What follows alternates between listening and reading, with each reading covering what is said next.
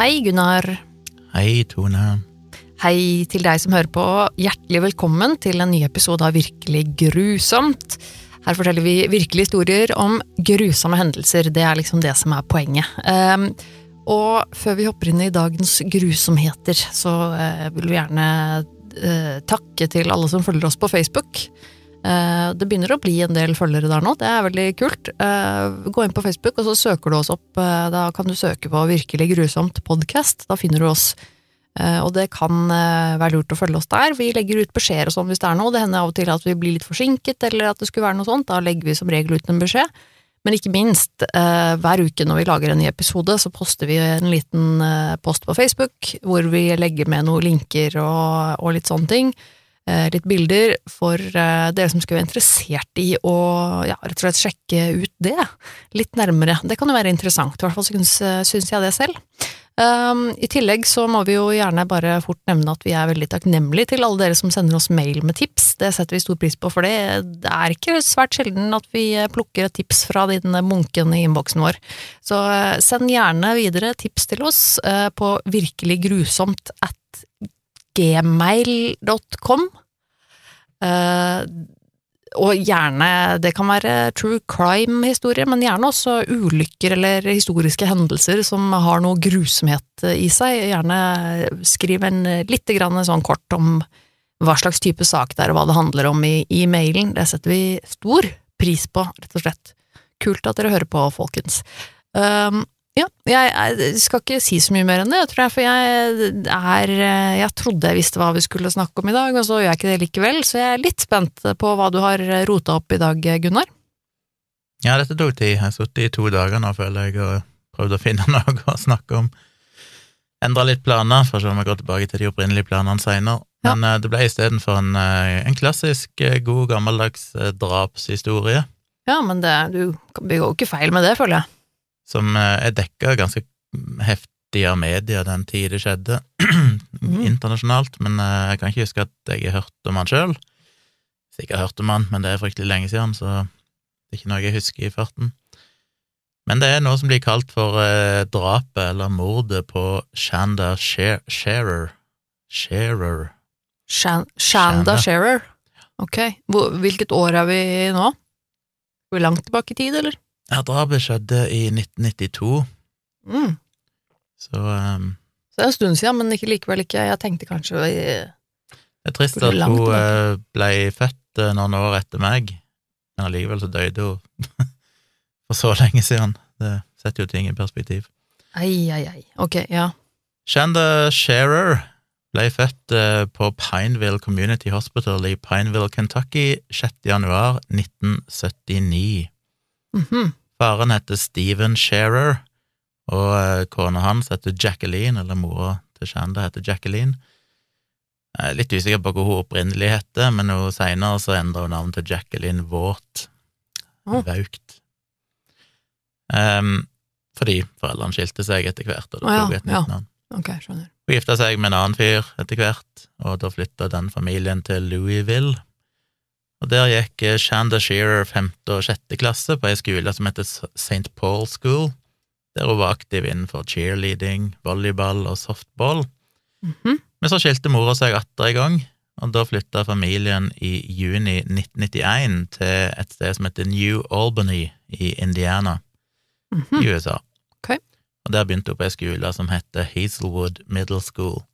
Men ganske tidlig på skoleåret så ble jo overflytta til en katolsk skole som heter Our Lady of Perpetual Help School. Ja, det hørtes veldig kristent ut. Ja, og der eh, var hun aktiv blant annet med basketball. Fikk de lov å spille basket på kristenskolen også? Ja, Katolikkene er jo ganske liberale. Nei, det er det. Ikke så ille, nei. Min mor gikk jo på katolsk skole i hele sin oppvekst. Katolsk pikeskole i London. Spilte hun basketball? Tviler på det. Gikk mest i hester og sauer og, og dyr. Um, før vi går over til grusomhetene, så skal vi ta en liten gjennomgang av de involverte, for dette er altså et ganske så grusomt både tortur og drap av ei ung jente. Ok. Shanda Shearer, som ble drept i en alder av tolv år. Oi da. Og de som gjorde det, var jo ganske unge. Det var fire jenter.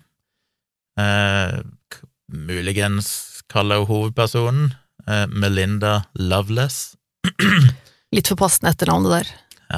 Spesielt når du hører historien hennes. Hun ble født i New Albany den 28. oktober 1975 og var den yngste av tre døtre til foreldrene som heter Marjorie og Larry Loveless. Høres ut som ei pornostjerne. Larry Loveless. Ja det, ja, det, ja, det var litt sånn Ja, ja. Larry hadde det ikke så lett. Han uh, var, gikk i, eller var i amerikanske militæret og endte opp i Vietnamkrigen, og der ble han ganske så hardt traumatisert mentalt. ja. Men da han kom hjem igjen, så ble han jo behandla som en helt. Men kona hans, Marjorie, hun ville seinere beskrive han som en seksuell avviker, okay. som kunne finne på å ta på seg både hennes og døtrenes undertøy og makeup. Det var helt umulig for han å være monogam, og han hadde en blanding av både kraftig sjalusi, men òg fascinasjon av å se at hun hadde sex med andre menn og kvinner. Ok, de, eh, Dette var øh, fortsatt på, bak, tilbake på 70-tallet? ja, eller tidligere, kanskje. Ja, ikke sant. Ja. Da, på den tiden var jo det helt eh, skandaløst, selvfølgelig. Kan jeg tro. Eh, ja, både òg. Det var jo ei tid med, med hippieaktige greier og free love, og det var nok kanskje Ja, jo. ganske så utbredt, det. Eh, de bodde i eller nær New Albany hele tida mens Melinda vokste opp. Larry, altså faren til Melinda Loveless, han jobba litt sånn av og på for Southern Railway etter han eh, kom hjem fra Vietnam og var ferdig i militæret. Og det var et arbeid som gjorde at han kunne jobbe litt når det passa han. I 1965 så ble han eh, en eh, probationary officer, hva det heter på norsk, i eh, New Albany Police Department. Men der mista han jobben, fikk sparken etter åtte måneder fordi han og hans partner hadde da angrepet voldelig, sannsynligvis, en eh, svart amerikansk mann som Larry sa, eller beskyldte for at han hadde hatt en eller annen seksuell greie med kona hans. Jaha. Gudene vet om det var sant. Han var veldig sjalu. Ja. I 1988 så jobba han en kort periode i postvesenet, men slutta etter tre måneder og gjorde egentlig veldig lite jobb, og det viser seg at han stort sett hadde tatt med seg posten hjem for å ødelegge den. Hæ? Marjorie, altså mora til Melinda, hun jobba litt av og på fra 1974, og mens begge foreldrene jobba, de periodene der begge foreldrene jobba, så hadde de ganske grei økonomi, og bodde i en sånn øvre middelklasse forstad som heter Floyd Nobbs i Indiana. Unnskyld at jeg avbryter nå, altså, men, men at han jobber i postvesenet, og så har han for vane å ta med seg posten hjem for å ødelegge det? Hvorfor, hva i all verden Ja. er det for noe merkelig Mye lettere det enn å måtte kjøre rundt og levere den. Ja, Så jo. det er jo fornuftig, det. Ja, det, kan- ja, ja, det må jo være noe sånn jobb, så er jo det greit. latskap, eh, rett og slett. Altså sånn Ja, det, for det, det er merkelig. Det, ja, ok, det var rart. Ja. Larry han var jo både voldelig og ganske grusom. Han eh, tok pengene som han sjøl tjente, de delte han ikke med familien, og fant Nei. heller ut at han skulle bruke de på seg sjøl, og kjøpte våpen, motorsykler og biler. Okay. Men i 1980 så slo han seg sjøl personlig konkurs, og folk i familien der, altså sånn utvida familie, sikkert tante, onkler og sånne ting, de beskrev eh, en situasjon der døtrene, disse tre døtrene, da, ganske ofte kom på besøk, og da var de ganske sultne, så det virka som de rett og slett ikke fikk nok mat hjemme. De hadde det ikke så greit. Altså han, denne faren her er jo ekstremt egoistisk, da, egentlig. Han Ja. vil jo ikke ta vare på noen andre enn seg sjøl, han tydeligvis. Foreldrene til Melinda Loveless de besøkte ofte barer i Louisville, og der pleide Larry å utgi seg for å være en lege eller en tannlege, og introduserte Marjorie, altså kona si, som sin kjæreste. Og han likte å dele henne med litt eh, venner fra jobben sin, noe som hun mislikte veldig. Og blant annet i løpet av en orgie de hadde med et annet par hjemme i huset, så prøvde Marjorie å ta livet sitt, noe som hun gjorde gjentatte ganger eh, i oppveksten til døtrene sine. Nei, herregud. Da Melinda var ni år gammel, så sørga Larry for at Marjorie, altså kona hans, ble gjengvoldtatt, og etter det så prøvde hun å drukne seg. Men uh, hun lykkes ikke med å ta livet sitt, istedenfor så nekta hun han sex i en måned, og det gikk jo heller ikke så bra, for da endte han opp med å til slutt voldta henne, Ja, noe som døtrene visstnok kunne høre gjennom døra. Nei, fy fader. Sommeren 1986, etter at uh, han, eh, eller etter at hun nekta mannen sin å gå hjem med to damer som hadde, han hadde møtt i en bar, så endte Larry opp med å banke henne såpass mye opp at hun endte opp på sykehuset, og da ble han òg dømt for, eh, for vold. Oi, ok. Og så er det jo litt uklart da hvor voldelig og grusom han egentlig var. Det er litt sånn avvikende historie her. I den rettssaken som skjedde etter dette drapet, da, så ble det jo avdekka mye av hvordan hun Melinda hadde hatt i oppveksten sin. Der var det jo noen som vitnesbyrd som sa at han visstnok hadde befølt Melinda mens hun fortsatt basically var en baby, og at han hadde begått overgrep mot hennes 13 år gamle søster ganske tidlig i ekteskapet. Oi, ok. Det her er jo helt klart ikke et, eh, et godt og trygt hjem å vokse opp i. Han hadde visstnok òg forgrepet seg på et søskenbarn som heter Teddy, ifra Jeg er litt usikker om det er jente eller gutt, men det er kanskje jente. Fra hun var 10 til hun var 14 år gammel. Teddy? Ja, det kan jo ha vært en gutt, for så vidt. Ja, altså, jeg ville jo trodd det var en gutt, men uh, det Ja, men det kan... jo gi mer mening at det var ei jente, siden han, han forgrep seg på Det var ikke noe som tyda på at han var interessert i gutter, men Nei, det kan ha vært et rett bytte, hvem vet. Uh, begge de eldre søstrene sa at han hadde forgrepet seg på dem, selv om Melinda sjøl aldri innrømte at det hadde skjedd.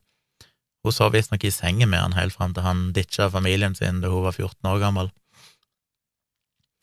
I denne rettssaken etter dette drapet så beskrev jo Teddy en hendelse der Larry hadde bundet alle tre døtrene sine fast i garasjen og voldtatt de etter tur. Men herregud, Men uh, ingen av disse døtrene bekrefta den historien sjøl, så derfor er det litt sånn ok. usikkert hva som egentlig har skjedd. Larry var veldig sånn verbalt eh, ja, altså han, han trakasserte de verbalt, disse døtrene sine. En gang så fyrte han òg av et våpen i retning av den eldre søstera til Melinda, som heter Michelle, da hun var bare sju år gammel, og bomma jo med vilje, da, men liksom bare for å skremme henne. Ja. Han kunne òg finne på å ydmyke dem ved å hente undertøyet deres og lukte på det framfor andre familiemedlemmer. Nei, men åh. Herregud. Men i to år, ifra Melinda var fem år, så ble plutselig familien veldig sånn dypt involvert med Graceland Baptist Church, Aha. og da eh, tok begge foreldrene og bekjente sine synder, og endte opp med å slutte med drikking og slutte med swinging mens de var medlemmer der. Ok. Larry han ble en sånn lekpredikant, og Marjorie hun ble sykepleier på skolen. Men på et eller annet tidspunkt litt noe morsomt, det er bare nevnt i en bisetning, uten at jeg vet noe mer om det, for det er ganske brutalt, men uh, denne kirka arrangerte visst et opplegg der Melinda en gang ble tatt med til et motellrom med en 50 år gammel mann som da skulle bedrive eksorsisme på henne i fem timer. Ja. Gudene vet hvorfor, og gudene vet hva som skjedde der, men det var sikkert heller ikke noe hyggelig opplevelse. Å, nei. Larry han endte ironisk nok opp med å bli en sånn ekteskapsrådgiver i kirka, Nei. Men fikk jo fort et rykte på seg for å være kanskje litt for pågående med damene, Oh, og endte opp med å prøve å voldta ei av de. Og etter den hendelsen så forlot de kirka og gikk tilbake igjen til å drikke og svinging og alt det de hadde drevet med tidligere. Oh my god. I 1990, november 1990, så ble Larry tatt på fersken mens han spionerte på Melinda og en venn av henne, og da gikk eh, Marjorie Av Melinda? Ja. Ja. Og da gikk kona hans Marjorie til angrep på han med en kniv. Oi. Eh, Han prøvde visst å ta kniven ifra og endte opp med å bli såpass skada at han endte opp på sykehuset. Og hun prøvde igjen å ta livet sitt. Eh, Døtrene fant henne og ringte til politiet eller et eller annet sånt. Men etter den hendelsen så ville Larry skille seg og endte opp med å flytte til Avon Park i Florida. Det er ganske hardt inn på Melinda, som ikke syntes det var noe stas, spesielt da Larry endte opp med å gifte seg med en ny dame. Men han fortsatte å sende brev til henne en periode, Til ekskona si? til dattera si, Oh, ja. sikkert til døtrene, men det er Melinda som er i fokus, Ja. så hun fikk iallfall brev, og spilte veldig på følelsene hennes. Sikkert ikke noe hyggelig brev, med andre ord, Sikkert manipulerende og jævlig. ja. Ja. men eh, til slutt så kutta han all kontakt med henne, og i desember 1998 så døde han. Han døde han, han døde bare, vi vet ikke noe om det. Jeg ble jo litt investert i den historien, nå kjenner jeg at jeg ble litt sånn Hva skjedde? Hva Nei, gudene vet hvor okay, han døde. det- han det begynte vel å bli gammel etter hvert. Så. Å ja, han var kanskje gammel nå, ja. Mm. Den andre jenta vi skal snakke om, heter Laurie Tackett. Ja, for dette her var jo da oppveksthistorien til en av de jentene som senere ble drapsperson. Ja. Som kanskje var en slags hovedperson. Ja.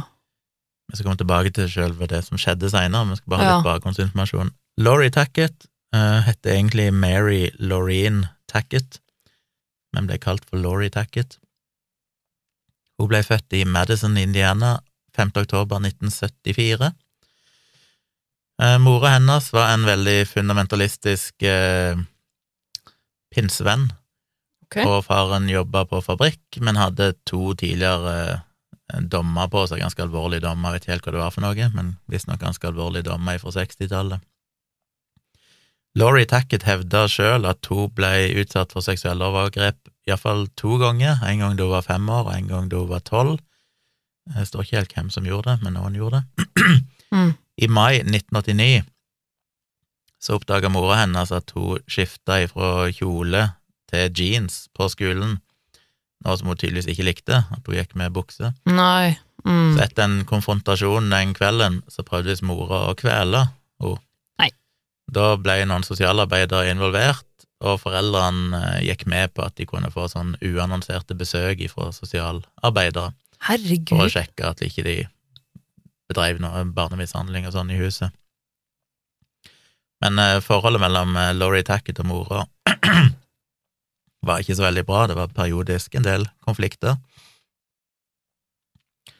Um, Da er du rimelig skrudd, altså. Hvis, men altså Når du har så eh, altså, Nå vet jo ikke jeg selvfølgelig hva som er grunnen, men jeg regner med at det var en eller annen veldig fundamental uh, religiøs uh, åsikt, holdt jeg på å si, som gjorde at uh, denne mammaen da følte at det var helt forferdelig galt at hennes datter skulle gå i bukser. Ja, Men i ikke noe Men, å- men å da føle at da, da er det greit å bare ta kvelertak på dattera di, liksom. Det er jo Ja. helt spinnvilt, jo. Det ble ikke noe bedre da eh, mora gikk til ei annen jente som jeg skal høre om snart, som heter Hope Rippy. Gikk hjem til henne etter at eh, hun fant ut at faren til hun, Hope Rippy hadde kjøpt et sånn Ouija-brett til jentene. Aha. Og da hadde hun hevda, eller krevd, at dette Ouija-brettet skulle brennes, Ja. og at hele huset til denne Rippy-familien måtte bli utsatt for eh, eksorsisme Ja, eller demonutdrivelse. Ja, nettopp, ja. Mm. Ja, for hun trodde selvfølgelig på alt dette også, hun er jo Ja, Ja, ja. ja.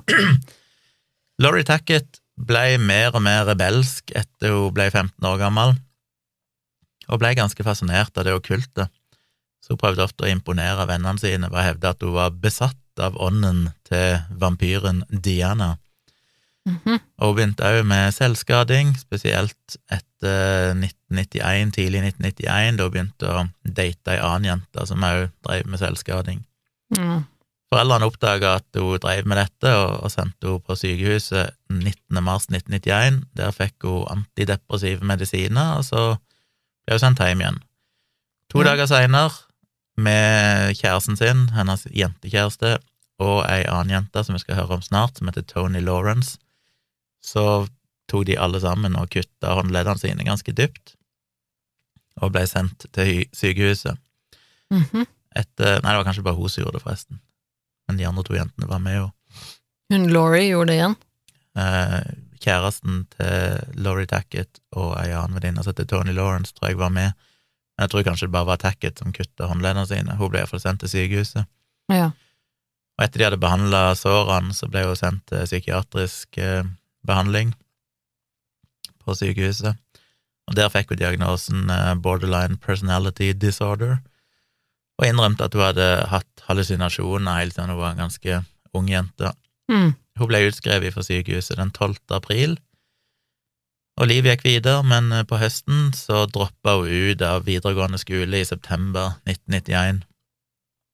Og da eh, levde hun et ganske ustabilt liv. Hun, hun forblei i Louisville, eh, eller hun, hun reiste til Louisville i oktober 1991 for å bo med diverse venner.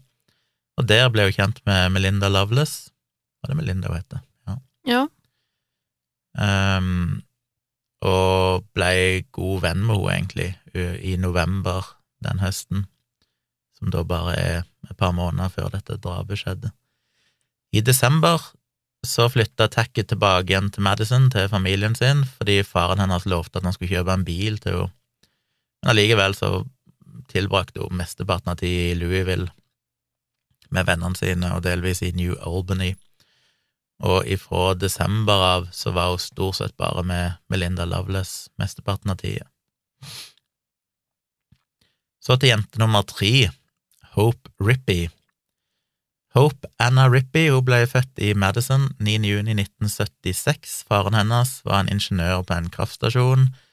Foreldrene skilte seg i februar 1984, og da flytta hun sammen med mor si og søsknene sine til Quincy i Michigan i tre år. Og Der sa hun seinere at uh, livet var ganske turbulent, men foreldrene hennes fant tilbake igjen til hverandre, så de flytta tilbake igjen til Madison i 1987.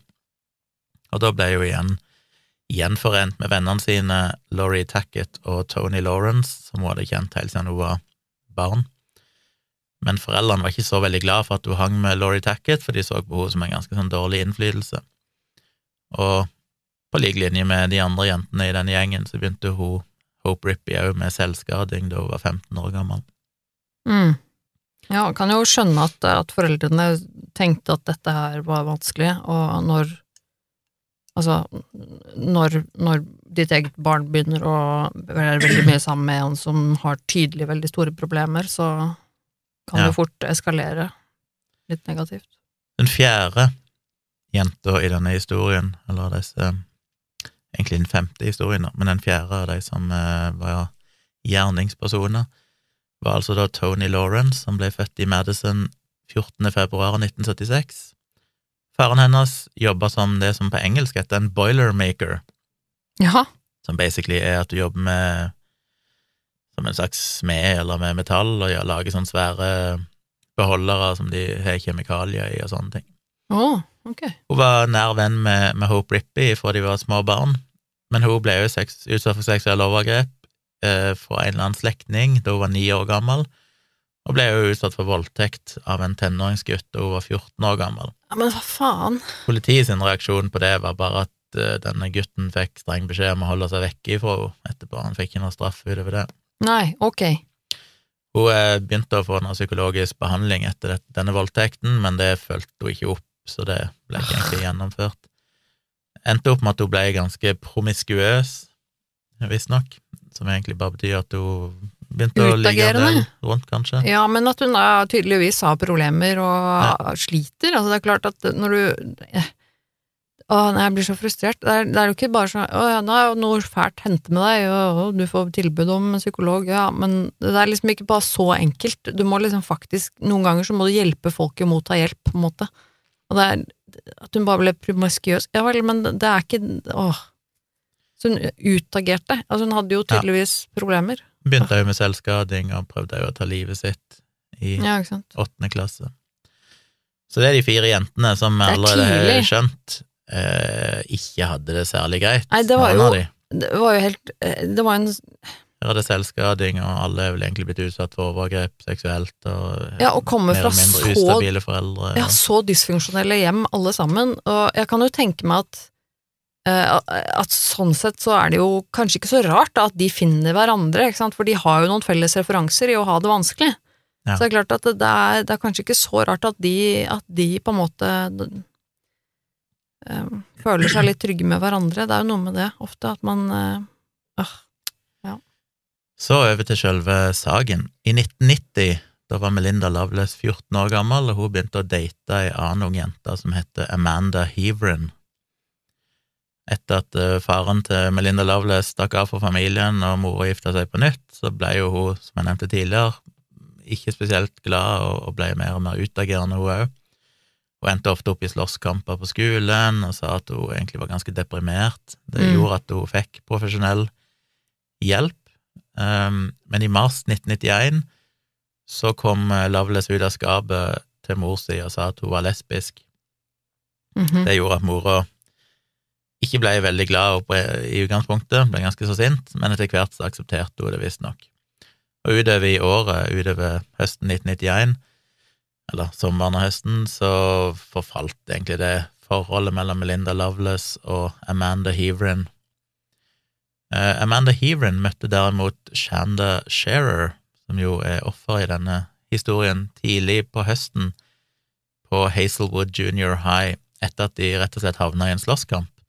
Men mens oh. de satt i Hva heter det? Detention, altså en slags husarrest. Hvem ja, altså, på det? Øh, altså gjensitting etter skolen, ja, hva er det de kaller det? Uh, um, Sendte de egentlig opp ja. med å bli venner der, og etter hvert så begynte de å sende romantiske brev til hverandre. Aha. Det likte jo ikke Loveless så veldig godt, hun ble jo veldig sjalu på at Heverin og Shearer har begynt å finne tonen med hverandre. Ja, for hun var jo eksen hun nå, da, så hun ble, sjalu, liksom. Ja, de hadde liksom. ikke, formelt sett så hadde aldri Loveless og Heverin gjort det slutt, oh, men forholdet okay. hadde liksom blitt dårligere og dårligere.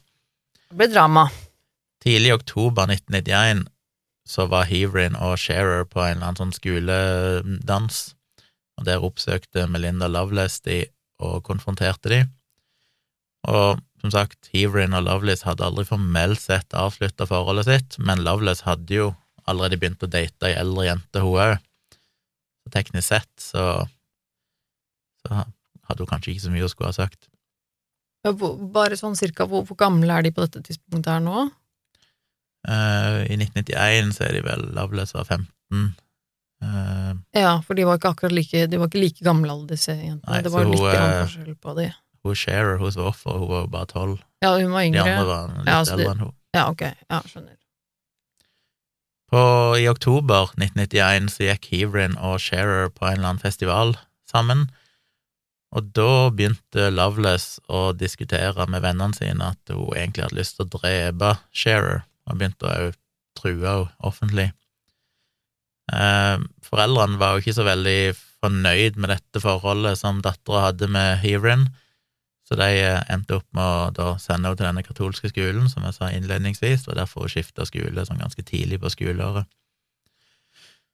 Men, eh, men ja. Så Heverin Amanda Heverin, hun hevda at disse brevene som Melinda Loveless hadde, eller hun hadde drevet og sendt henne brev, da hun blant annet hadde kommet med noen dødstrusler mot Shearer, det hadde hun sendt til det som de kaller på engelsk en youth prosecutor, som er inne med en slags eh, ungdomsadvokat eller ungdomsjurist eller noe sånt. Mm. Men det skjedde visstnok ingenting med dette, ble aldri fulgt opp noe videre. Natta til 10. januar 1992 så eh, kjørte jentene Lawrence, som var 15 år, Rippy, som var 15 år, og Tackett, som var 17 år på det tidspunktet. De kjørte i bilen til Tackett ifra Madison. 15 år? Kan du kjøre ja. bil når du er 15 år? Mm, hvis ikke du bryr deg om loven, så kan du si ja. ja. ja, ja, for all del, altså. Men ja, det var bare de, var, de, er jo så veldig, veldig unge. Herregud. De kjørte i Tackett sin bil, hun var jo 17 da. Ja. Jeg er usikker på hvem som kjørte akkurat da. Eh, fra Madison og hjem til Melinda Loveless sitt hus i New Albany. Og Rippy og Lawrence var venner med Tackett, men de hadde ikke møtt Melinda Loveless tidligere, og Melinda Loveless var 16 år på det tidspunktet, så de var 15, 15, 16 og 17. Mm. Da de kom fram til Melinda, så lånte de noen klær av og hun viste de en kniv og sa at den skulle skremme Sharer med. Mm -hmm.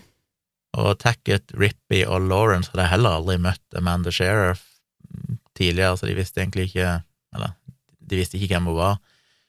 Men uh, Tackett hadde vel hørt at Loveless hadde liksom skrøt av eller trua med at han, hun skulle skremme denne tolv år gamle jenta. Ja, for han hadde sikkert sladra litt og snakka litt dritt om henne, holdt jeg på å si. De hadde ikke, de hadde ikke møtt henne, de hadde bare hørt om disse ja. truslene, liksom. Ja, for da har hun sikkert uh, vært ganske sjalu og, og sinna og ja. Så Loveless fortalte til de to andre jentene at eh, hun virkelig mislikte Sheriff, for hun hevda at Sheriff var bare en copycat, hun var hermet henne, og hun hadde stjålet kjæresten hennes. Mm. Så Tackett lot Rippy, som altså var 15, kjøre bilen sin, så da kjørte hun 15 år gamle Rippy, alle de fire jentene, til Jeffersonville, der uh, Shearer bodde med faren sin i helgene. Uh, de kom fram der ganske kort tid før det ble mørkt, på kvelden. Og Loveless sa da til Rippy og Lawrence at de skulle gå opp til døra og ringe på, og så skulle de introdusere seg sjøl som venner av Heverin, som altså var eksen til Loveless og den nåværende kjæresten til Shearer, og si til Shearer at hun måtte bli med de, og så kunne de gå og besøke Heverin, fordi Heverin var på et sted og venta som heter The Witches Castle, som var en sånn gammel eh, ruin av et steinhus eh, på toppen av en eller annen sånn bakke der du kunne se utover Ohio River. Men Shearer sa at hun ikke kunne bli med dem fordi at foreldrene var våkne, så sa de at de måtte heller komme tilbake igjen rundt midnatt noen timer seinere. Loveless ble jo ganske sint da hun hørte dette, men Rippy og Lauren sa at eh, men dette går bra, vi, vi kommer tilbake seinere, så kan vi gjøre det da. Så de fire jentene de kjørte av gårde igjen, og de reiste blant annet på et eller annet sånn punkrock-show med et band som heter Sunspring, og der eh, mista Lawrence og Rippy ganske fort interessen for musikken og gikk heller ut på parkeringsplassen. Der de endte opp med å ha sex med, med to gutter i bilen til Tacket. Mm -hmm. Men etter hvert så kjørte de tilbake igjen til, eh, far, til Shearer sitt hus, altså faren til Shearer, der de bodde. Ja. Og mens de kjørte der, så satt Loveless og skrøt av at hun kunne ikke vente til hun skulle få drepe Shearer. Men samtidig så hadde hun også sagt at hun skulle egentlig bare skremme henne med denne kniven sin. Mm. De kom fram til huset til Shearer ca. halv ett på natta, og eh, da nekta Lawrence å bli med opp til huset, så istedenfor så gikk bare Tackett og Rippy opp til døra og etterlyste Shearer, mens Loveless gjemte seg under et teppe i baksetet på bilen, og der lå hun med kniven. Da eh, Shearer kom til døra, så sa Rippy til henne at uh, hun der Amanda Heverin hun er fortsatt oppe med Witches Castle og venter. Men Shearer var litt sånn motvillig til å bli med de. For nå lokker de på en måte henne med å si at hun eh, jenta som du er litt kjæreste med nå, hun, ja. hun er der oppe og venter på deg, så kom med oss, så skal vi ta deg med til henne, liksom. For Ja. lure henne med, da. Men hun ble med til slutt, og etter å ha skifta klede. Da de kom ned til bilen og satte seg inn i den, så begynte Rippy å spørre Shearer om dette her forholdet hun hadde med Heverin. Og mens hun satt og stilte henne spørsmål om det, så hoppet plutselig Loveless fram, fram, fram ifra unna dette teppet hun hadde gjemt seg. Ja, for hun hadde nok ikke blitt med inn i den bilen også hvis hun hadde sett Nei. at eh, hun og Mandy Loveless liksom var der. At Loveless var der, så hun visste jo ikke om det. Mm. Men hun pressa da kniven mot halsen til Shearer og begynte å spørre ut om dette ja, hva for noen seksuelle greier de, de drev på med, hun og Heverin. Eh, De kjørte bilen mot et sted som heter Utica, og dette her Witches Castle, der Tackett fortalte de at en sånn lokal eh, vandrehistorie sa at dette gamle huset en gang ble eid av, fire, av eh, ni hekser, men at de lokale folkene hadde brent ned dette huset for å kvitte seg med alle heksene. Da de kom fram til Witches Castle, så var jo eh, Cher allerede ganske eh, oppjaga og redd. Hun hadde jo fått en kniv mot halsen og blitt ganske sånn trakassert med masse spørsmål og greier. Ja, jeg tror eh, det Så kan hun- skremme enhver, altså. Hun var jo litt sånn smågrinete og ble tatt inn i dette ruinet av et hus, og der bandt de fast armene og beina hennes med tau. Og så begynte de da å trakassere, og lavlese til henne at 'Å, du har jo så utrolig fint hår. Lurer på hvordan du vil se ut, om du er like fin hvis jeg skjærer av håret ditt.' Mm. Det gjorde jo selvfølgelig Cher enda mer redd. Eh, Loveless tok òg av alle ringene som Cher hadde på hendene, og ga det til de andre jentene. De hadde òg tatt av henne ei klokke hun hadde på seg, som var ei sånn Mickey Mouse-klokke som kunne spille musikk, og liksom danse til denne musikken som klokka spilte.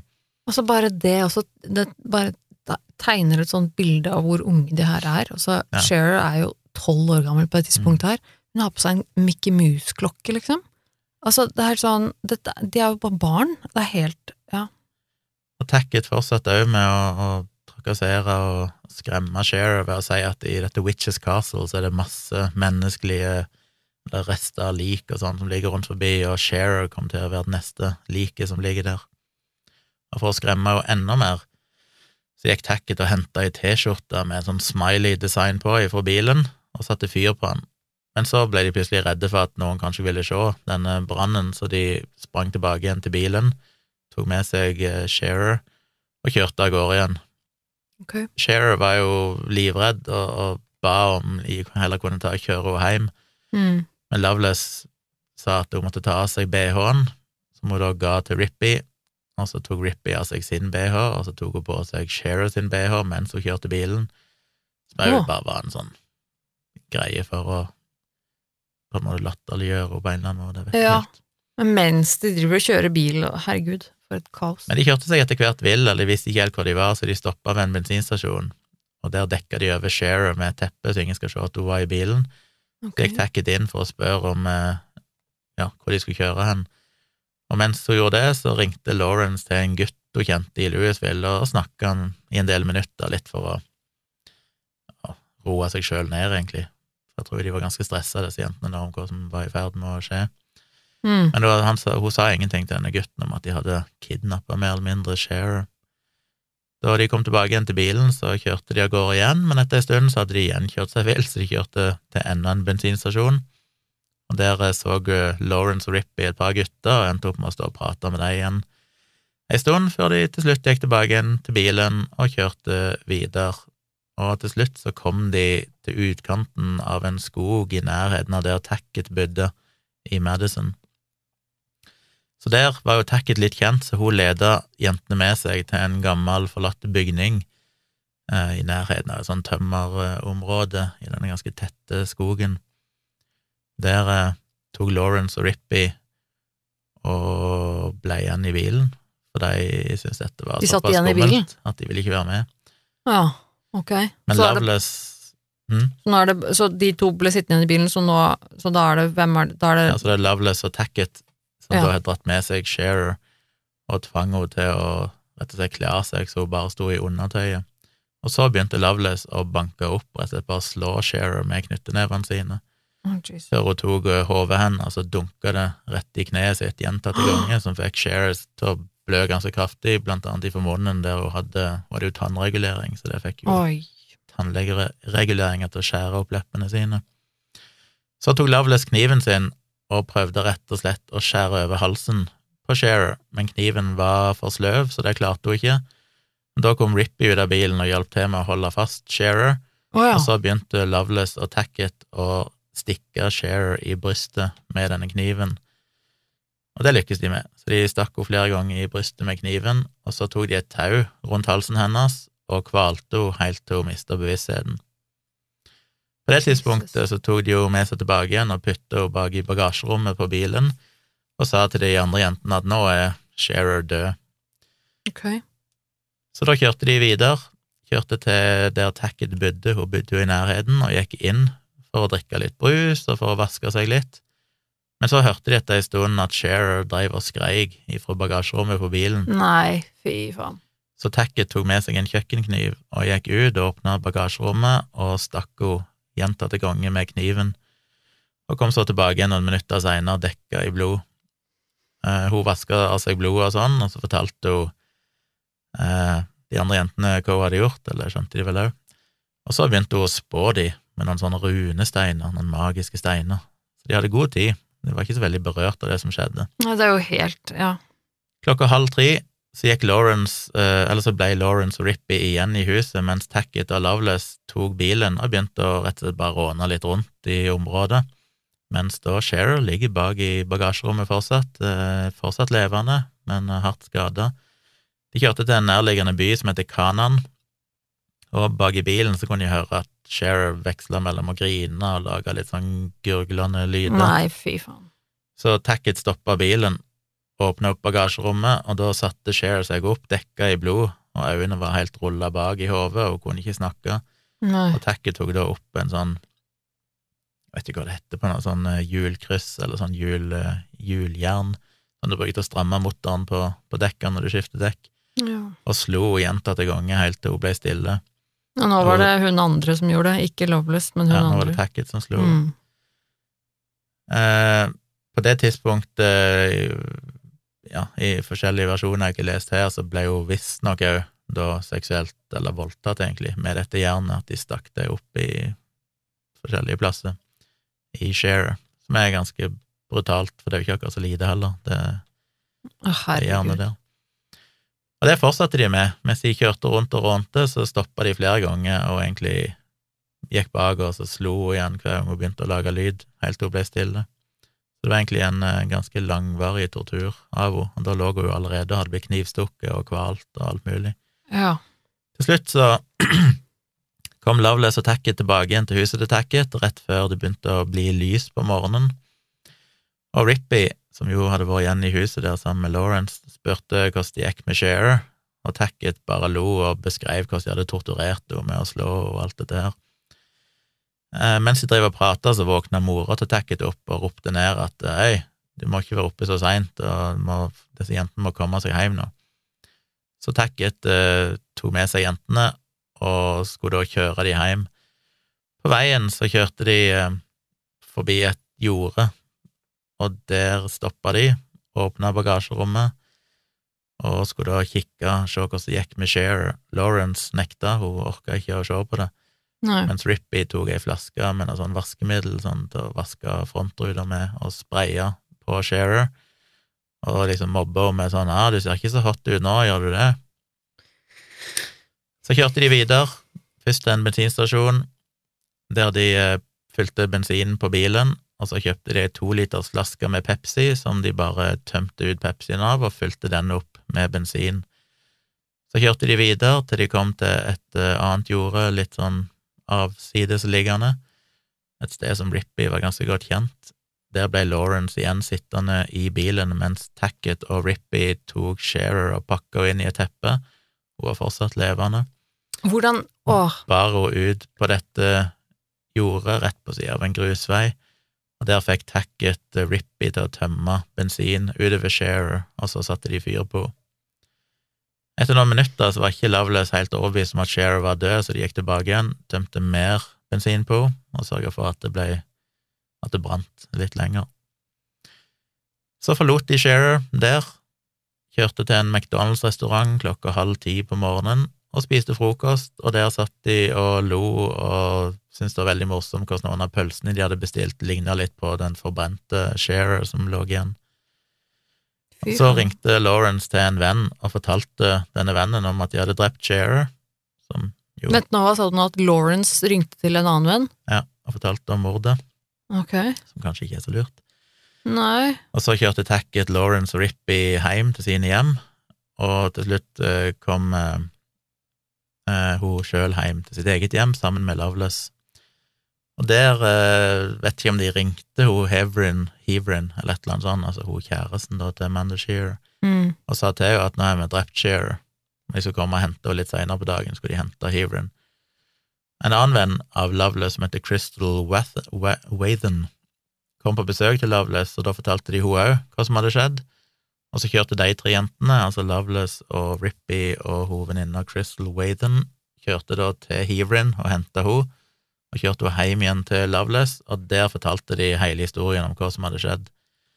Men både Heverin og Wathen var ganske sånn skeptiske og trodde ikke helt på denne historien. Nei, det kan jeg jo forstå at de ikke helt trodde at det skulle være sant. Nei, men da tok de jentene med ut og viste de bagasjerommet på bilen, Ja. der du kunne se blodige håndavtrykk til Cher, og sokkene hennes lå fortsatt der. Og Hevrin ble jo helt sjokkert og sa kan dere kjøre meg hjem? Og da de kom fram til huset der Hevrin bodde, så tok Loveless og kyssa henne og sa at hun elska henne, Mm. og ba henne innstendig om å ikke fortelle dette til noen. Okay. Og Hevren lovte at det skulle hun ikke gjøre før hun gikk inn i huset. Litt seinere denne morgenen, 11. januar 1992, så var det to eh, brødre fra Kanan som skulle på jakt, og de kom kjørende opp denne grusveien da de plutselig så noe som ligna på en kropp som lå på sida av veien. Mm. Først så trodde de kanskje at det bare var en eh, utstillingsdokke eller noe sånt, men da de gikk ut av bilen og så hva det var, så så de tydelig at dette var det forbrente liket til et lite barn. Mm. Så de ringte politiet fem på elleve den morgenen, formiddagen, og eh, etter hvert så kom eh, David Cam og Jefferson County Sheriff Buck Shipley, og når detektiver kom og begynte da å undersøke dette og samle sammen bevis og sånn ved åstedet Først så trodde de at dette måtte være en eller annen sånn narkotikahandel som hadde gått galt, og de hadde ingen tro på at dette kunne ha blitt eh, gjort av noen lokale folk. Det ble visst òg registrert at kroppen var plassert på en litt sånn vet ikke, seksuelt uh, utfordrende posisjon, oh. uten at jeg helt vet hva det var. Men det betydde jo at dette var nok gjort ganske med overlegg. Det var Mm. ikke noe Det var ikke noe som bare hadde skjedd fort, liksom. Eh, og så tippa de òg at grunnen til at eh, liket var brent, var at ingen skulle liksom kunne gjenkjenne og identifisere henne hvis dette var en sånn narkotikasak. Ja. Eh, Faren til Shearer, Steven, han oppdaga på morgenen at uh, dattera ikke var i huset lenger. Så han begynte å ringe rundt alle naboer og venner og prøvde å finne ut hvor, hvor hun kunne være. Så ringte han ekskona si eh, klokka kvart på to den ettermiddagen og fortalte at han fant ikke dattera, så de møtte og endte opp med å gå til politiet og rapportere henne som savna. Men først, eh, eller egentlig allerede samme kveld, så møtte Lawrence og Rippy opp eh, hos politiet sammen med foreldrene sine, og begge to var da ganske hysteriske. Og de eh, fortalte litt sånn usammenhengende hva som egentlig hadde skjedd. De kalte vel hun jenta for Sean, da, men de kjente hun jo ikke fra før, så de ga vel egentlig feil navn. Ja, ok, så de, de klarte rett og slett ikke å holde kjeft om det her. Nei, det begynte vel etter hvert å gå inn på de, hva som Hva egentlig som hadde skjedd. faktisk hadde skjedd, ja. Eh, så hadde de òg da fortalt hva de andre to involverte jentene het, og sånn, og forklart hva som egentlig hadde skjedd denne natta. Og eh, etter at politiet hadde da sjekka litt rundt og sånn, og så oppdaga de jo at det var funnet et, et lik, et forbrent liv og lik, og de fant ut at dette måtte jo da være samme saken, og ved å undersøke tennene til dette liket, så fikk de da identifisert dette forbrente liket da som hun Shearer. Loveless og Tackett ble arrestert den 12. januar, og mesteparten av bevismaterialet var egentlig bare disse forklaringene som Lawrence og Rippy ga til politiet. Mm. Og aktoratet sa umiddelbart at de kom til å, å eh, stille de for retten som voksne, selv om de jo var ganske unge. Ja. Og i mange måneder så lagt jeg ikke ut noe informasjon til media. Det eneste media fikk høre litt om, det var hva Lawrence og Rippy hadde forklart, men utover det så var det en veldig sånn sak som ble holdt veldig lukka, egentlig. ja. Kanskje òg fordi de var så unge. Jeg skulle til å si at det er kanskje ikke så rart, da, med tanke på hvor unge de her faktisk var, og ja, at det er jo ikke Men alle de fire jentene som da var 15, 15, 16 og 17, endte opp med å bli sikta, eller ble, eh, rettssaken ble kjørt som om de var voksne. Og for å unngå dødsstraff så gikk alle jentene med på en eh, en plea bargain. Jeg kommer ikke igjen på hva det er. forlik. Forlik. Så da rettssaken starta og sånn, står ikke så mye om rettssaken her, men det kom jo selvfølgelig fram da at alle de fire jentene hadde ganske så trøblete historikk. Ja, for nå begynner jo alt Eh. dette som du har snakket om og fortalt Ja. om tidligere. Dette her er jo kanskje ting som kommer opp i en rettssak, når det på en måte, for da vil jo da vil jo det begynne å, å Ja, det er jo et naturlig spørsmål å, å spørre hvorfor i all verden ville noen gjort dette her? Hva slags motiv hadde disse jentene? Og da kan det jo fort komme fram litt av hvert, vil jeg tro, ja, i historien til disse jentene. Ja, det kom jo fram at alle egentlig hadde blitt utsatt for både fysisk og seksuell vold, Mm. enten ifra foreldre eller familie eller andre voksne, eh, og barn òg, for så vidt. Eh, Både Lawrence, Rippy og Tackett hadde jo alle en historikk med selvskading. Mm. Tackett hadde jo fått en borderline-diagnose og hadde da hallusinasjoner. Og Loveless, som ble beskrevet som på en måte lederen i gjengen, hadde jo òg den mest omfattende historien med overgrep og, og problemer med, med psykisk sykdom. Ja, og grov omsorgssvikt i det hele tatt. Ja. Hun hadde jo Ja. Så det endte jo opp med at eh, Tackett og Loveless, som jo egentlig var liksom hovedpersonene i dette, Mm. de fikk begge to 60 år i fengsel, som de skulle sone ved Indiana Women's Prison i Indianapolis. Mhm. Eh, Jeg er overraska nå over at du ikke sa at de fikk livsvarig fengsel. Altså, 60 år er jo livsvarig, for så vidt, altså, sånn, i hvert fall i forhold til norsk standard, men eh, men Men ja. Tackett hun slapp ut i 2018, ut av fengsel, og så, eh, hadde så prøvetid i ett år. Loveless hun slapp ut i september 2019. ok.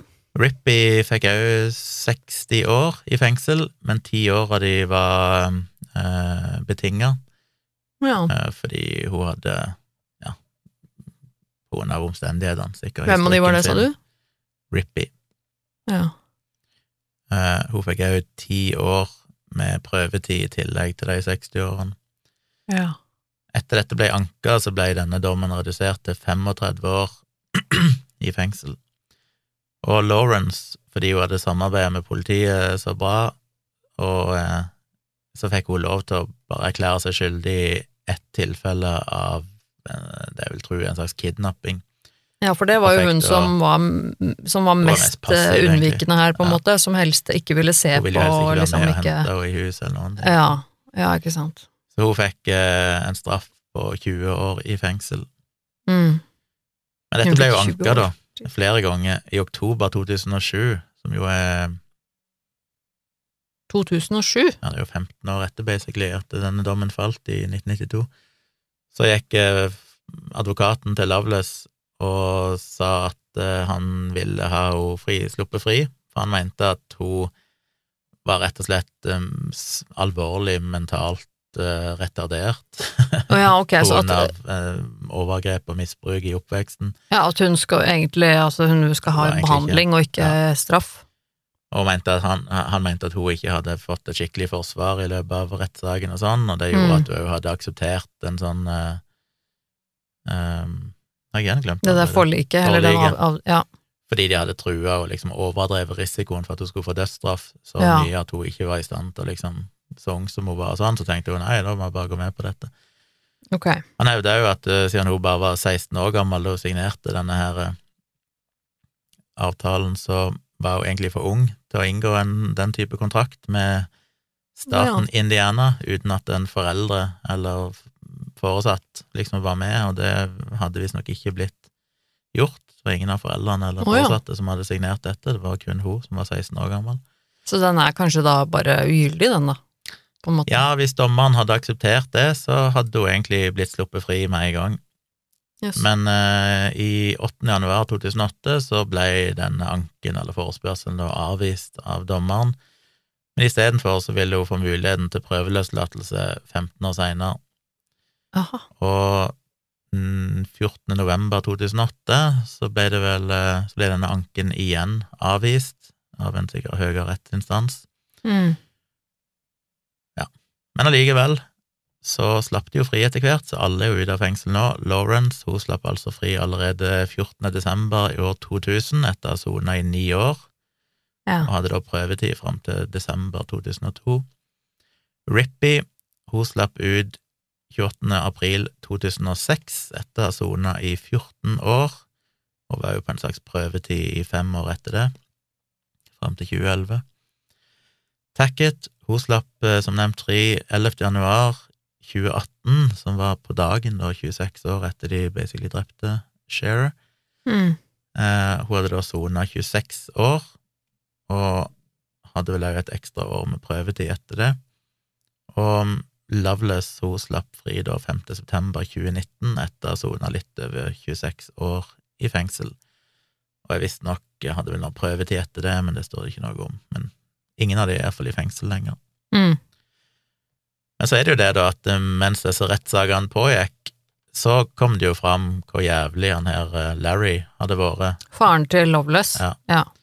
Da kom det jo fram hvordan han hadde misbrukt og prøvd å drepe kona si og alt det der, og døtrene sine og greier. Mm. Så han endte jo faktisk opp med å bli arrestert i februar 1993, altså kort tid etter denne rettssaken. Wow. Så ble jo han arrestert og sikta for både voldtekt og diverse seksuelle overgrep og sånn. Oi, ja, det var jo bra, Eh. Det meste av dette hadde jo skjedd i perioden 1968 til 1977, så han satt i fengsel i to år og venta på en rettssak, men så endte en dommer opp med å si at alle disse siktelsene, bortsett fra ett tilfelle av seksuelt overgrep, måtte droppes fordi at det, det var gått eh, for lang tid. Ja. Eh, Hva heter det nå igjen? ja, så det Står det stille eh, for meg? Foreldet. Foreldre. Ja. Foreldet. Eh, statute of limitations, eh, Mm. som de kaller det i, i statene. Ja, dette, ja, de har vel Ja, ok, så det var faktisk gått for lang tid. Ja, for det var ikke mord eller noe sånt, nei, nei selvfølgelig. Nei, for den er bare fem år i, i Indiana, så etter fem år så var ikke det egentlig gyldig Ja. lenger. Ja. Han eh, erkjente seg skyldig da i ett tilfelle av seksuelt overgrep, men eh, den dommen han fikk, eh, hadde han sånn sett allerede sona mens han satt og venta på rettssaken, så han slapp jo da Mm. fri egentlig umiddelbart. Ja, ikke sant. Noen uker seinere så endte han jo opp med å saksøke fengselet for 39 millioner dollar, fordi han hevdet at han hadde fått en usedvanlig streng og umenneskelig straff, blant annet fordi at han hadde ikke fått lov å sove i sengen sin på dagtid, han hadde ikke fått lov å lese avisen. Herregud, han, for en type. Han nådde ikke fram med det søksmålet. Nei, det var enda godt. Faren til Shearer, Stephen Shearer, han døde av alkoholmisbruk i 2005 da han var 53 år gammel, og i et intervju med mora til Det er mulig jeg kalte henne for Amanda Shearer, men hun heter Shanda Shearer. Jeg glemte Shanda Shearer, som ofte er offer i denne historien. Jeg, jeg tror det var det du sa. Ja, mulig. Mora hennes, Hva sa du om faren hennes? han døde av alkoholisme i 2005, Altså, og han, han ble rett og slett alkoholiker etter det. Ja. Det kan jeg ha forståelse for, holdt jeg på å si. mora sa jo at han ble jo så ødelagt av det drapet på dattera at han egentlig gjorde alt han kunne for å drepe seg, drepe seg sjøl, Ja. bortsett fra å liksom trekke av en pistol Ja, ikke tinninga si. Altså, Så han basically ja. drakk seg sjøl til døde, og døde egentlig bare av enorm sorg. Å, så grusomt. Um, og så er det jo en sånn etterhistorie da, som har blitt laga noen dokumentarer om og sånn greier, men uh, ja. i 2012 så endte mora til Shanda Shearer opp med å indirekte ta kontakt med Melinda Loveless, Aha. fordi Melinda Loveless jobba på det tidspunktet, sikkert i forbindelse med noe fengselsstraff og sånn, hun jobba jo i en organisasjon som heter Indiana Canine Assistance Network Program, okay. som heter Project to Heal, som egentlig driver og trener eh, dyr, sikkert primært hunder, da, til å hjelpe folk med forskjellige typer handikap og sånn. Så Ja, altså, altså, donerte at det, det er en forening som de, de jobber med å trene opp hunder til, til altså sånn egentlig å være tjenestehunder, da, for, Ja. for blinde og svaksynte og sånne ting, liksom. Så mora, da, altså Jacqueline Watt, hun donerte en hund som hun kalte Angel, i navnet til Shanda til Loveless, for at Loveless skulle trene henne da, som en del av dette Ja. programmet. Og det fikk jo hun mora en del kritikk av, fordi jeg tror mange mente at hvordan kan du gjøre noe som er såpass på en måte sympatisk overfor ei som drepte dattera di? Men hun sier at det var jo hennes valg.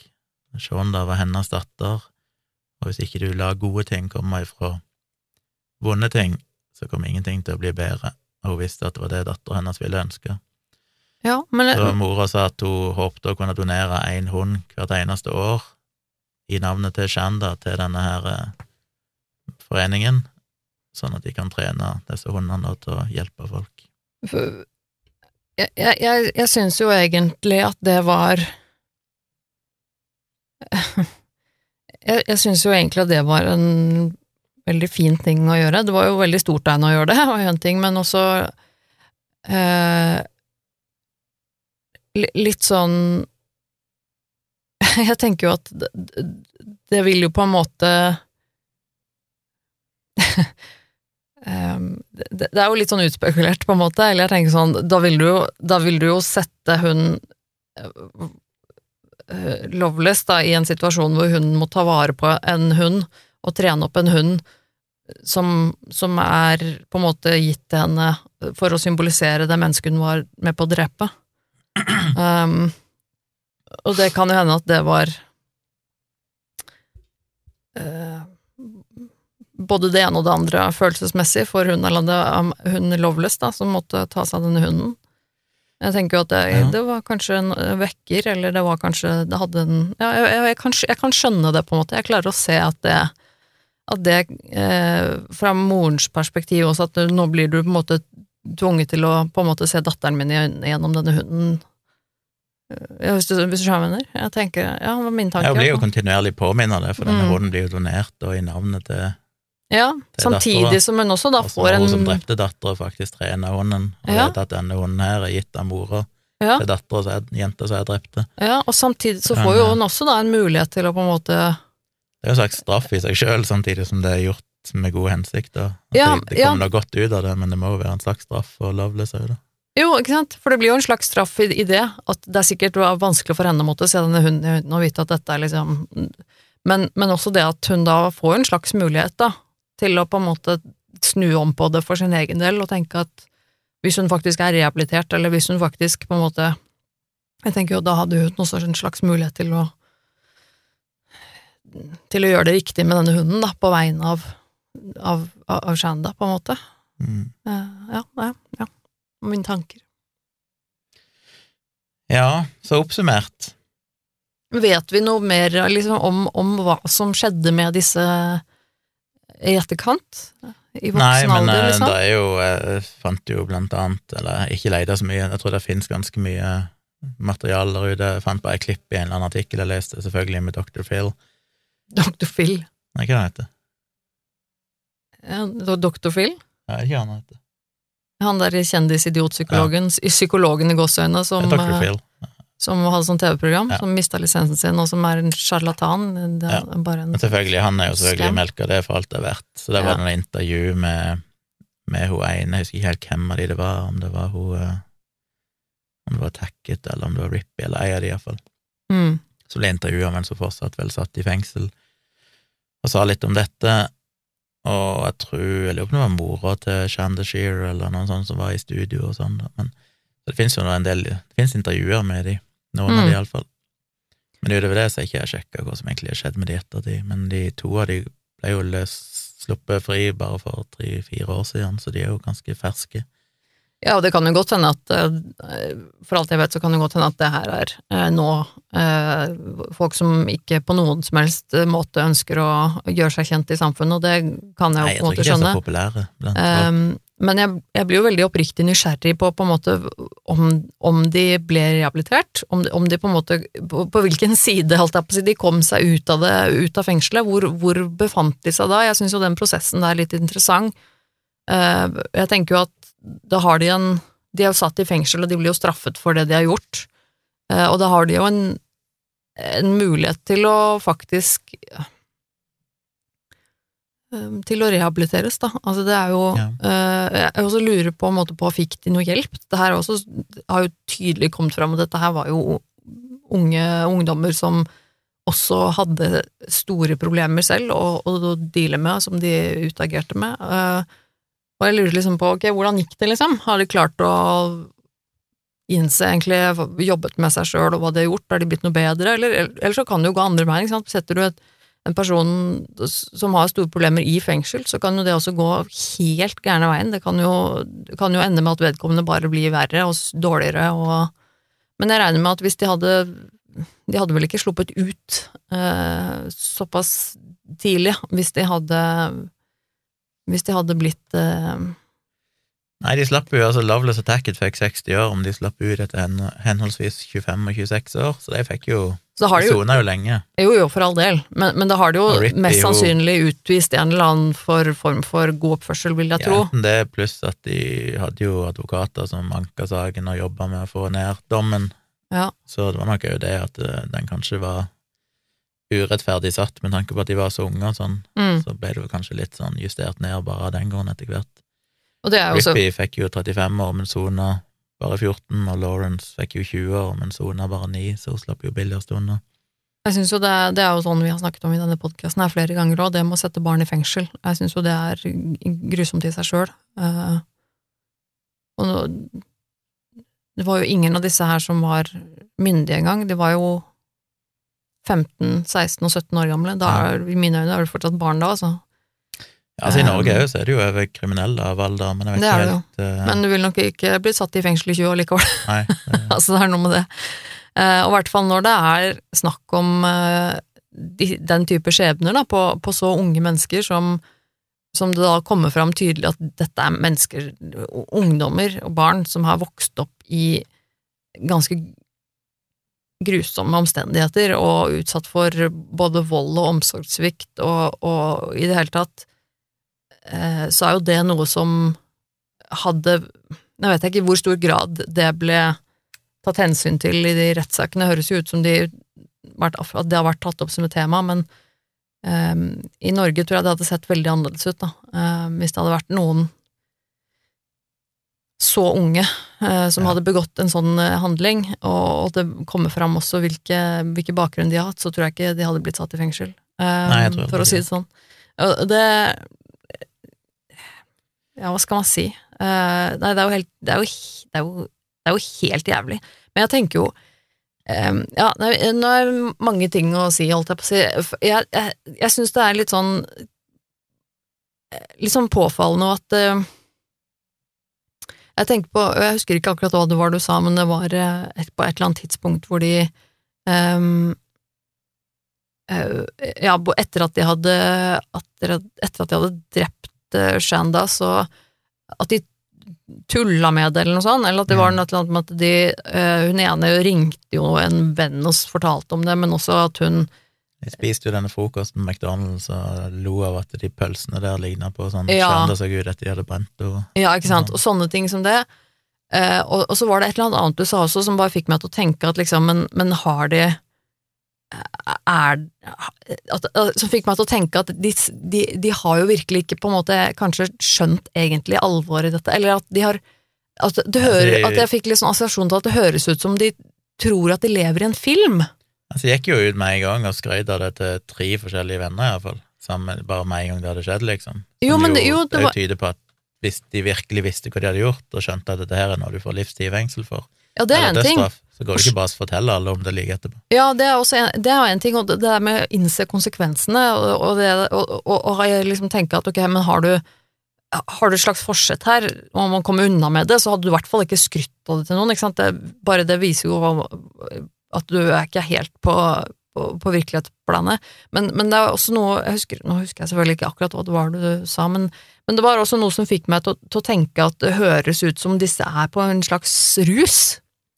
Eh, at, at du på en måte er eh, At det er nesten så du eh, ser deg selv utenfra og på en måte tror at du spiller i en film. At det er litt sånn, sånn virkelighetsfjernt, på en måte. Mm. Um, og- og det at de på en måte ikke helt klarer å forstå konsekvensene er en ting, men også um, også um, ja, hva Og det å på en måte sette seg inn i et annet menneskes situasjon Nei, jeg vet ikke, det, det var Det er jo Nei, det, For meg er det rart at ikke de var rusa, men det står jo ingenting om at de var det her. Men det er jo når hun ene går ut og stikker henne med kniv flere ganger for å få henne til å holde kjeft, og de banker henne opp og voldtar henne med, med verktøy og sånn, og så kommer hun tilbake igjen til de andre jentene og skryter av det etterpå, liksom, og bare le og det er helt merkelig. Det er sånn du tenker, ja, ok, hvis de var veldig rusa eller et eller annet sånt, men det at de skal liksom ha vært ved sine fulle fem og kan gjøre så brutale ting, altså bare liksom synes det er morsomt, er jo ganske uforståelig. Ja, men, men samtidig også så tenker jeg jo på eh, altså hvor unge de er, og, og de få årene de har levd, så har de jo eh, ikke akkurat hatt noe gode forbilder. Eh, tvert imot så har de jo da opplevd grov omsorgssvikt og overgrep og vold og, og sånne ting, og vi vet jo at det har en en ganske ekstrem effekt på folk som vokser opp i sånn type hjem, at det er jo noe man kan bli ganske ødelagt av. Men likevel så endte det jo opp med at eh, to av de plutselig da tydeligvis utover dagen så gikk, Jeg vet ikke hva som skjedde, om det var foreldrene som begynte å spørre dem hva dere har gjort i natt, og sånn, hvor har dere vært, og så Ja, de som kom det gradvis fram. Ja, de to som gikk til politiet først. Ja. Altså, det, det er rart at de i så mange timer kunne bare være helt totalt Altså, hun ene der, hun Lawrence, hun virker jo ganske prega av det Det gjorde hun. i løpet av den tida det pågikk òg, da. Ja, for hun virka jo litt som om hun underveis også skjønte at dette her er drøyt. At hun, Mm. at hun hadde en liksom følelse om at liksom, shit, dette her er egentlig ikke noe jeg vil være, med på.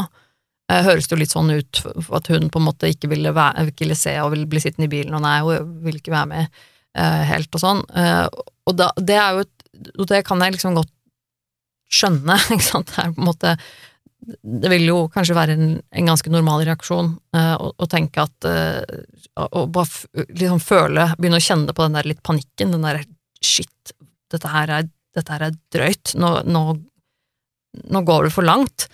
Eh, eh, Og, og, så, og så samtidig så kan jeg også på en måte skjønne det at eh, for, for, for tenker du kanskje liksom sånn, ja, men hvorfor sa hun ikke stopp, hvorfor stoppet hun ikke de andre, hvorfor sa hun ikke fra til noen, hvorfor og, og så tenker jeg at jeg syns ikke det heller egentlig er så veldig rart.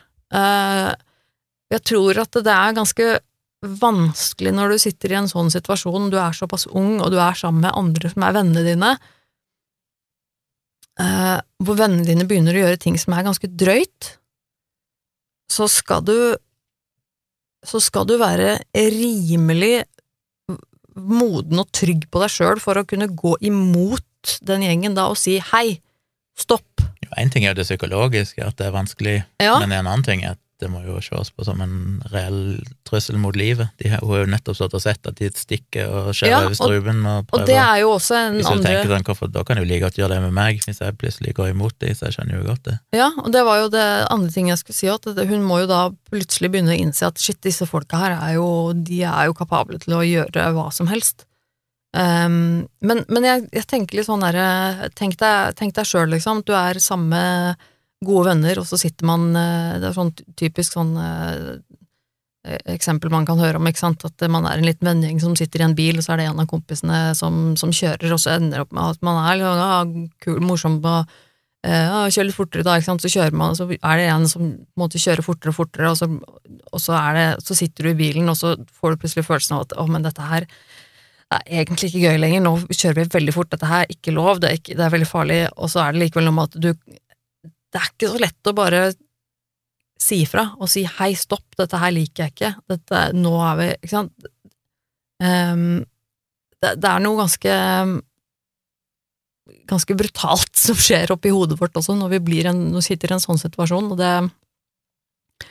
Når du er så ung også, så tror jeg ikke det er lett å på en måte gjøre det rette eh, i gåsehudene i en sånn situasjon, altså bare det å på en måte da si stopp eller gå og si fra til noen, nei, jeg tror ikke det er så lett.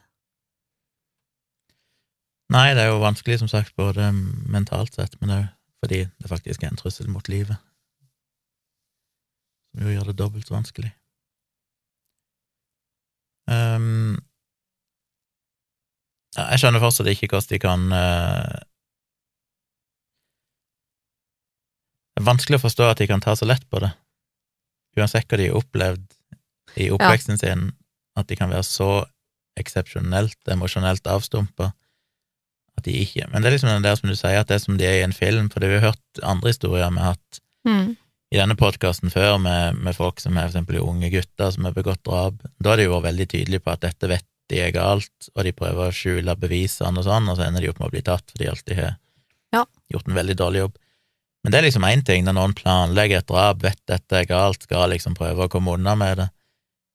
Og de her jentene her, som er bare som behandler det som om de har liksom ah, et eller annet mobba noen. Det er liksom sånn, hei, ikke si det til noen, det som har skjedd. Mm. Bare ikke skjønne at er du klar over hva dere har gjort, du har faktisk tatt et liv nå. Dette betyr at dere kommer til å sitte i fengsel resten av livet, men det er akkurat som det er ikke De bare enser ikke at det i det hele tatt er så alvorlig, det som er pågått. Jeg også lurer er på om dette her, om, om, eh, den der gruppedynamikken, altså. Um, det også er jo noe vi har snakket om før, det der med at det er noen som på en måte eh, At man på en måte egger opp hverandre, og, samtidig også kan skjule seg litt bak hverandres handlinger. Eh, og det at det For du kan på en måte kjenne deg litt igjen i det, men det er ikke så skummelt når noen andre gjør det først. Det er ikke så Altså, fordi at det ehm, Altså man på en måte deler litt på Uh, En ting er jo på en måte å dele på ansvaret, ja, men det var ikke bare meg, eller ja, men hun, det var ikke sant. Men, men det er også noe med at du at, uh, at du kanskje mister litt perspektivet, da, på, på hvor drøyt og hvor farlig og hvor, hvor, hvor sinnssykt ting egentlig er, når det er på en måte flere av dere som tilsynelatende er på det samme nivået, eh, som gjør de samme grusomme tingene sammen, som egger hverandre opp og sånn, så jeg vet ikke om du på en måte eh, mister perspektivet, eh, fordi at du da på en måte er eh, Fordi at man ser på, ser på sin likemann ved siden av seg, eh, en person man kjenner og liker, som er venn med, og så ja, men hun gjør det. Um, jeg syns det er en ganske sånn interessant effekt, bare. Eh, det er bare at jeg lurer, på, hvis de hadde vært Jeg lurer på åssen utfallet hadde vært hvis de hadde vært færre, eller hvis, hvis hun Loveless på en måte ikke hadde fått med seg de andre. Hvis hun bare hadde fått med seg én, åssen det hadde gått da, og hvem av de for så vidt, det er jo også et spørsmål, men, men om hun hadde gjort, det hadde gjort det alene, for eksempel, jeg tviler på at hun hadde gjort det alene. Eh, Eller, eller sånn, okay, hadde det, hadde det skjedd hvis hun, hvis hun ikke virker som hadde hun tøffa seg litt for de andre, og så Ja. bare eskalerte det vanvittig. For jeg også tenker jo at, det, at det, det er på en måte noe med den gruppa som er litt sånn essensielt i hele greia her. Eh, og jeg syns det er veldig interessant. Og grusomt, selvfølgelig. Eh, det, det er så det er så drøyt å gjøre noe sånt mot et annet menneske. Altså ikke Og så er hun hun er tolv år gammel, hun er jo et barn, og disse her er jo jenter som er eldre. Og selv om de er fortsatt er barn selv, de er under 18, de er 15, 16 og 17 år gamle, så er du likevel voksen nok til å på en måte vite bedre. Da er du ikke fortsatt et helt, eh, helt underutviklet barn, holdt jeg på å si, som er, eh, ikke skjønner noen ting. Da er du voksen nok til å vite, eh, til å ha klart å på en måte, ja. Så, så jeg lurer på, på en måte, var det eh, var det liksom mangel på empati? Er det på en måte ren ondskap? Eller er det, er det på en måte et, et, et brist i virkelighetsoppfatningen på et eller annet vis? Er det liksom sånn at man, eh, man tenker at man at man er, at dette er liksom bare som, en, som i en film, at det blir som en slags sånn rus på et eller annet vis. Eh, jeg syns det er veldig Så nå Altså- Linda kan forklare oss med at hun hadde jo åpenbart hun hadde jo planlagt dette en stund, eller iallfall trua hun med det flere ganger sånn, over lengre periode. Så jeg tror nok hun hadde fått bygd opp et veldig sånn hat, og hadde mye Følte seg underlegen fordi at hun hadde mista i gåsehudet mista dama si til hun andre, mm, og mye sånn. Så hun har nok kanskje bare hatt et enormt raseri i seg, òg på grunn av selvfølgelig at hun opplevde overgrep og alt det der dritten som hun opplevde i hele oppveksten sin. Ja, hun De andre tre virker, de visste ikke engang hvem hun var, Nei. hun offeret, før den dagen de møtte henne, så Nei. de hadde jo ingen grunn til å ha, føle noe imot henne. Så for dem var det jo bare med at de ble revet med i det som skjedde, på en eller annen Mm. måte. Ja. Så sånn at det er ganske forskjellige motiver her, og sånn sett så er det vanskelig å vite hvordan du skal straffe. Jeg føler jo på en måte at Loveless burde blitt straffa vesentlig hardere enn de andre, bare fordi at det var mye mer Hun var liksom pådriver, ja. Ja, det var mye mer overlagt og gjennomtenkt. Ja. Du kan nok i mye større grad med de tre andre, selv om hun Tacket òg var veldig aktiv, Ja. så kan du nok i større grad argumentere med at der ble jo mer revet med av gruppepress og uh, ja. Mm. Var det hun Tacket som hadde borderline personlighetsforstyrrelse? ja. Ja. Og det, jeg lurer litt på uh, Det er jo Vet vi hvor gammel hun var? Jeg syns det er litt, litt spesielt å få den diagnosen i såpass ung alder, men hun var jo Men det er kanskje det var kanskje ikke en, en vanskelig sak. Ja. Men, eh, og det er jo Man kan jo tenke seg på en måte er det, Var det noen andre her også som hadde noe underliggende eh, problematikk med noe? Altså, vet jeg sleit jo med depresjon og drev jo med selvskading, så det var vel ingen av de som var si, friske på den måten. Nei, og vet jo i hvert fall at eh, at man kan jo tenke at, eh, at hun tacket hvis hun hadde på en måte en emosjonell ustabil personlighetsforstyrrelse, så, så kan det godt hende at hun fort blir revet med i ting og er veldig impulsiv, og, Mm. eh, og hvis hun da har kanskje eh, sett, ser litt opp til hun eh, Loveless, da, ikke sant, og det er på en måte en en, en, eh, en litt spesiell eh, vennerelasjon der, så, som hun har på en måte hengt seg litt opp i, så Det er jo spesielt når du har en mor som har Når du først har blitt seksuelt misbrukt et par ganger mens du er barn, og har en mor som prøver å kvele deg, du har en Mm. diagnose, en alvorlig personlighetsforstyrrelse, eh, og har drevet med selvskading, og så ender du allikevel opp med å få 60 år i fengsel, det er jo spesielt. ja, jeg syns det. Um, Det burde være mange, mange gode Og det var liksom etter at de formildende omstendighetene var tatt høyde for. ja, og det, det, det der rettssystemet i staten, altså, det er Nei, det er jo bare grotesk. Det er jo Det er jo bare hakket bedre enn Iran, holdt jeg på å si. Det, men det så Det blir så dobbelt eh, trist også, fordi at jeg kan jo virkelig eh, jeg, jeg kan jo virkelig på en måte ha empati med alle de involverte, på et eller annet vis. Det er liksom noe med at jeg syns det er vanskelig å, å, å peke ut uh, Det er ikke noe vanskelig å, å, peke ut hvem som på en måte er hovedofferet, vi vet jo hvem som døde, på en måte. Men likevel så er det jo ikke De var jo ofre alle sammen, på et eller annet vis. Det er jo noe med at disse her unge jentene har jo vært ofre, og de også, i sitt liv. Uh, og, og syns det er så ekstremt trist, da, at det kan havne og gå så langt. Jeg, nei, det er, nei det, er bare, det er bare veldig, veldig trist. Ja. Men da må vi rangere det på en grusomhetsskala. Ja. Um,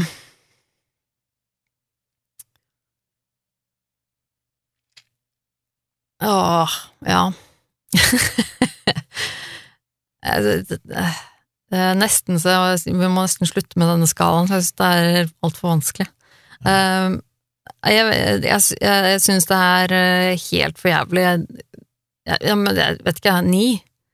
Det havner så høyt på skalaen for min del også, fordi er, de er så unge. Selv om det bare er én person, da, strengt tatt, på en måte, som dør, Eh, hvis det er det er på en måte det ultimate eh, ille å gjøre mot noen, at noen dør, så ja vel, det var bare én person, men likevel så er det så mange ofre i denne saken her, syns jeg. Det er så mange Jeg, jeg syns egentlig synd på alle sammen. Um, altså og så er det så grusomme, grusomme, så groteske ting å gjøre med et menneske. Og hun som bare var tolv år gammel, hva hun har gått gjennom, og Nei, det Ja. Den skrekken å ligge i timevis bak i bagasjerommet på en bil etter å ha blitt stukket i brystet, forsøkt halshogd, kvalt til du besvimer, slått jenta til gange til du besvimer, til skallen din er knust. Bare den frykten i tillegg til smerten og alt dette her, og så i tillegg, når du til slutt dør, så er det fordi noen setter fyr på deg, som må være en av de verste måtene å dø på. Ja, det er jo, det er jo brutal tortur. Så eneste grunn til at jeg ikke gir det tid, er jo i så fall at uh, det i går så er bare ett offer mens jeg tidligere har fortalt om saker der ganske mange flere har blitt drept under like ille omstendigheter. Ja, eller det har vært tilfeller med tortur hvor, har, hvor, torturen har vært mye mer langvarig. Ja. Så jeg, jeg, kan ikke gi det maks, selv om det kunne gitt det maks òg, men uh, det kan bli jo ikke så mye verre. Men uh, jeg gir det jo en nier, tror jeg. Gå inn på Facebook, folkens, og gi oss gjerne en kommentar på, på episoden under posten som kommer snarlig. Der finner du også noen bildereferanser av eh, disse jentene, og du finner vel noen linker også, eh, og så Ei, Ei, ei, Ja, det var lite koselig, må jeg si. Men jeg vil jo takke folk for at, for at, du har hørt på episodene, og kanskje dette var første episoden din. I så fall så håper jeg du likte det du hørte, og at du kanskje vil gå tilbake i arkivet og høre på Vi har jo litt forskjellige typer, ikke bare true crime. Eh, hvis du har et tips eh, om en eh, sak som vi kanskje burde sjekke ut og snakke litt om, så send oss tipset på mail, på en sånn god, gammeldags e-post. Virkelig grusomt at gmail.com. Da får vi tilgang på, på, det begge to her. Og så ja, følg oss på Facebook. Og hvis du liker podkasten vår, så er det veldig hyggelig om du går inn i, i Apple Podcast eller Spotify eller noe sånt. og og gir oss fem stjerner hvis du liker podkasten. Det setter vi pris på. Det blir litt lettere for andre å, å finne podkasten vår. Ja. Da er vi vel tilbake igjen om ca. ei uke, håper jeg. Ja. Vi skal ha litt juleferie etter hvert, men eh, det tar vi senere når vi nærmer oss jul. Og så regner vi med at vi er tilbake om en uh, uke. Mm. Takk yes. for at du hørte på. Ha det. Ha det. thank